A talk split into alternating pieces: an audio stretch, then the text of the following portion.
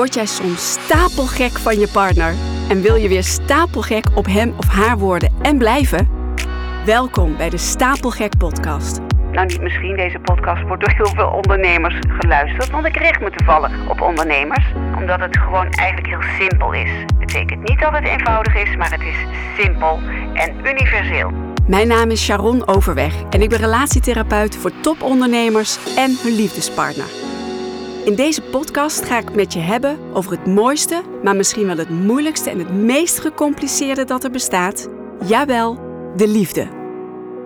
Ik wil meteen beginnen door jullie te bedanken voor de vele leuke, lieve, ontroerende, ja, hartverwarmende reacties die wij hebben gekregen vorige week uh, in de podcast. Het was namelijk mijn vijftigste podcastaflevering. En mocht je die nog niet geluisterd hebben, ga dat doen. Want daarin is mijn man Olivier te gast in mijn eigen podcast. En uh, ja, de reacties waren gewoon hartverwarmend.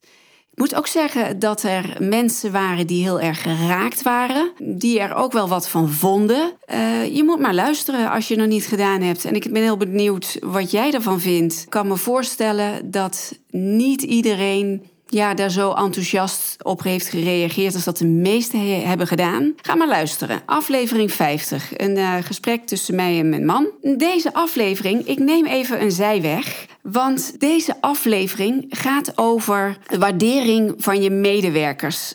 Uh, als jij een leidinggevende functie hebt, en ik ga ervan uit, een beetje als je deze podcast luistert, dat de kans groot is dat je dat hebt dat je een leidinggevende functie hebt op C-level, dat je ondernemer misschien bent.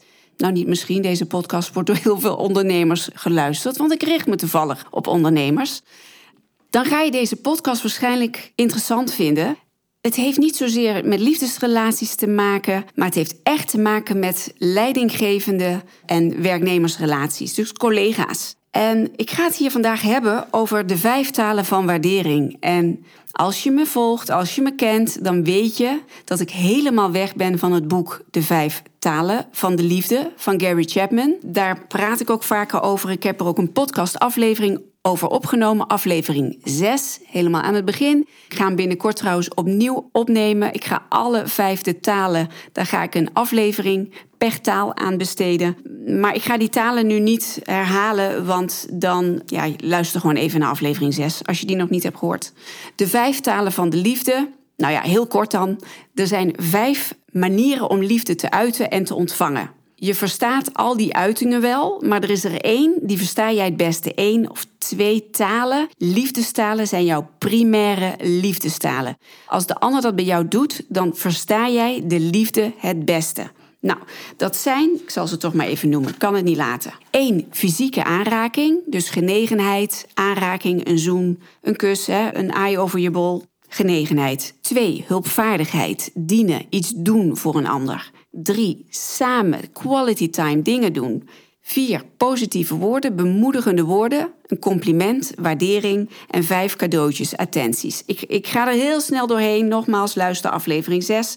Of nog beter, lees het boek. Het is een klein boek, je hebt het zo uit. Ik heb meer dan 70 boeken gelezen over de liefde en relaties. En deze blijft bij mij met stip op nummer 1 staan, omdat het gewoon eigenlijk heel simpel is. Betekent niet dat het eenvoudig is, maar het is simpel en universeel. Dus het maakt niet uit waar je woont, hoe oud je bent. Het werkt ook niet alleen bij liefdespartners, maar ook bij je vrienden, familie. Nou, Gary Chapman, de schrijver van De Vijf Talen van de Liefde, die heeft ook een ander boek. Die heeft heel veel andere boeken geschreven. En één daarvan is een zakelijke variant en die noemt hij de vijf talen van waardering op het werk. Waardering is ook een uiting van liefde, maar op het werk noemen we het geen liefde, maar waardering. Ik leg het altijd aan mijn cliënten uit en ik krijg daar zulke gave reacties op, vaak weken, maanden na afloop dat ik het heb uitgelegd, omdat ze er zich niet van bewust zijn op deze manier zoals het boek uitlegt dat waardering zo ontzettend belangrijk is voor een werknemer.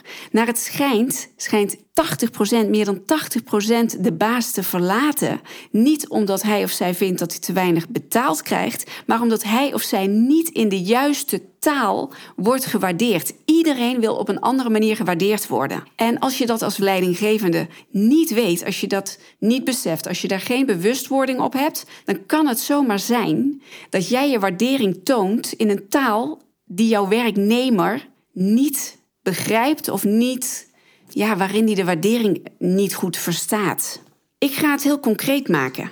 Als fysieke aanraking, en nu maak ik toch even de, de link naar de vijf talen van de liefde. Als fysieke aanraking voor jouw werknemer op nummer 1 staat, als dat de primaire liefdestaal is, dan kun je natuurlijk, moet je daarmee opletten op de werkvloer. Hè? Je kunt, moet opletten tegenwoordig met MeToo, fysieke aanraking. Ik hoor dat uh, mijn cliënten, die vaak ondernemer zijn of een leidinggevende van hoge functie hebben, die durven nog niet eens hun werknemers een zoen te geven meer bij een verjaardag. Hè, drie zoenen. Die zijn daar heel terughoudend in. En veel van mijn cliënten vinden dat ook jammer, want ja, even een zoen met een verjaardag, even uh, een schouderklopje, durven ze gewoon niet meer te geven. Maar juist bij werknemers bij wie fysieke aanraking een belangrijke taal is om verbinding te voelen, zou je gewoon wel een high five kunnen geven op de werkvloer. Dat kan echt wel. Of letterlijk een schouderklopje. Daarmee voelt die werknemer zich enorm gezien door jou. dus als fysieke aanraking op nummer 1 staat, als liefdestaal, als verbindingstaal, geef dan eens een high five of letterlijk een schouderklopje. Echt, dat kan echt wel. Gewoon doen. Die ander voelt zich dan enorm door jou gezien. Als hulp, hulpvaardigheid een belangrijke liefdestaal of waarderingstaal is van jouw werknemer, weet je, pak dan eens een kopje koffie. Zeg van joh, blijf jij maar zitten. Ik pak een lekkere cappuccino voor jou. En ik, weet je wat, ik pak dat printje ook even voor jou van de printer. Blijf jij maar zitten. Nou, werkelijk, jouw werknemer zal dat enorm waarderen. De derde taal is samen zijn dat, is een, dat is een taal, als, als mensen dat heel fijn vinden om dingen samen te doen. Wat dan heel goed werkt op de werkvloer, is dat je zegt bijvoorbeeld: joh, kom jij volgende week even naar mijn bureau, maken we even een afspraak. Want ik wil graag even van jou horen hoe jij naar het komende kwartaal kijkt. Hoe, wat zijn jouw plannen? Hoe zou jij dat aanpakken? Nou, werkelijk, iemand groeit echt twee centimeter als je iemand betrekt in toekomstplannen. Dus dat is tijd samen. Positieve woorden, ja, die spreekt voor zich. Complimenten, bemoedigende woorden. Dat zijn mensen die vinden dat heel fijn als je dat uitspreekt. Gewoon doen. Compliment maken. En de cadeautjes, als jij een werknemer hebt die het heel leuk vindt om cadeautjes te krijgen, ja, die gaan heel goed op uh, leuke kerstpakketten. of een extra, uh, uh, met Pasen dat je een zakje chocolade-eitjes opstuurt of zo, of geeft. Of... Die gaan daar heel goed op. Mensen die dat helemaal niet belangrijk vinden, daar sla je de plank totaal mis als je met, kerst, met zo'n kerstpakket aankomt. Die vinden dat echt heel suf. Die voelen zich daar totaal niet door gewaardeerd. Die willen die waardering op een andere manier voelen. Mooi hè? Dus als jij zakelijk directeur bent of ondernemer of bedrijfsleider, denk dan eens aan jouw werknemers. Het is ook een hele mooie vraag uh, om te stellen tijdens een sollicitatiegesprek. Van joh, want ik denk ook dat heel veel werknemers zich daar niet eens bewust van zijn. Maar op het moment dat jij die vraag stelt van goh, hè, jij komt hier werken. Wat vind jij prettig? Hoe wil jij graag gewaardeerd worden? Wat, wat, wat vind jij wat, wat, hoe wil jij graag dat ik laat weten dat je het goed doet? Hoe versta jij de waardering het beste? Ik heb hier ook workshops uh, gegeven bij bedrijven met hele teams. Nou ja, echt een tranentrekker. En, want dan komt het dus naar boven dat de plank zo vaak wordt misgeslagen. Hoe jammer is dat? Dus ja, als jij leidinggevende bent of ondernemer, denk dan eens aan werknemers die het afgelopen jaar bij je zijn weggegaan of de afgelopen jaren. Ja, het kan eens verstandig zijn om met mensen te praten of dat je zelf eens even in het dossier duikt. Of als je dat echt nog ziet zitten, bel die mensen eens op van joh, wat is de echte reden geweest dat je bent weggegaan? Want vaak wordt de reden genoemd, nou ik verdien niet genoeg, maar zit daar dus iets onder? Weet je, daar kan jij als ondernemer, als leidinggevende heel veel van leren voor jouw business, voor het verloop in jouw business en voor de loyaliteit van jouw werknemers. Fantastisch. Dus vraag gewoon waarom ze zijn vertrokken. Misschien kan je het nog uh, aan iemand vragen in jouw bedrijf, hè? Een, uh, een leidinggevende van die persoon. Waarom zijn ze vertrokken? Waar, of, of de collega die dat exit-gesprek heeft gevoerd. Wat was nou de echte reden? Weten we dat eigenlijk wel?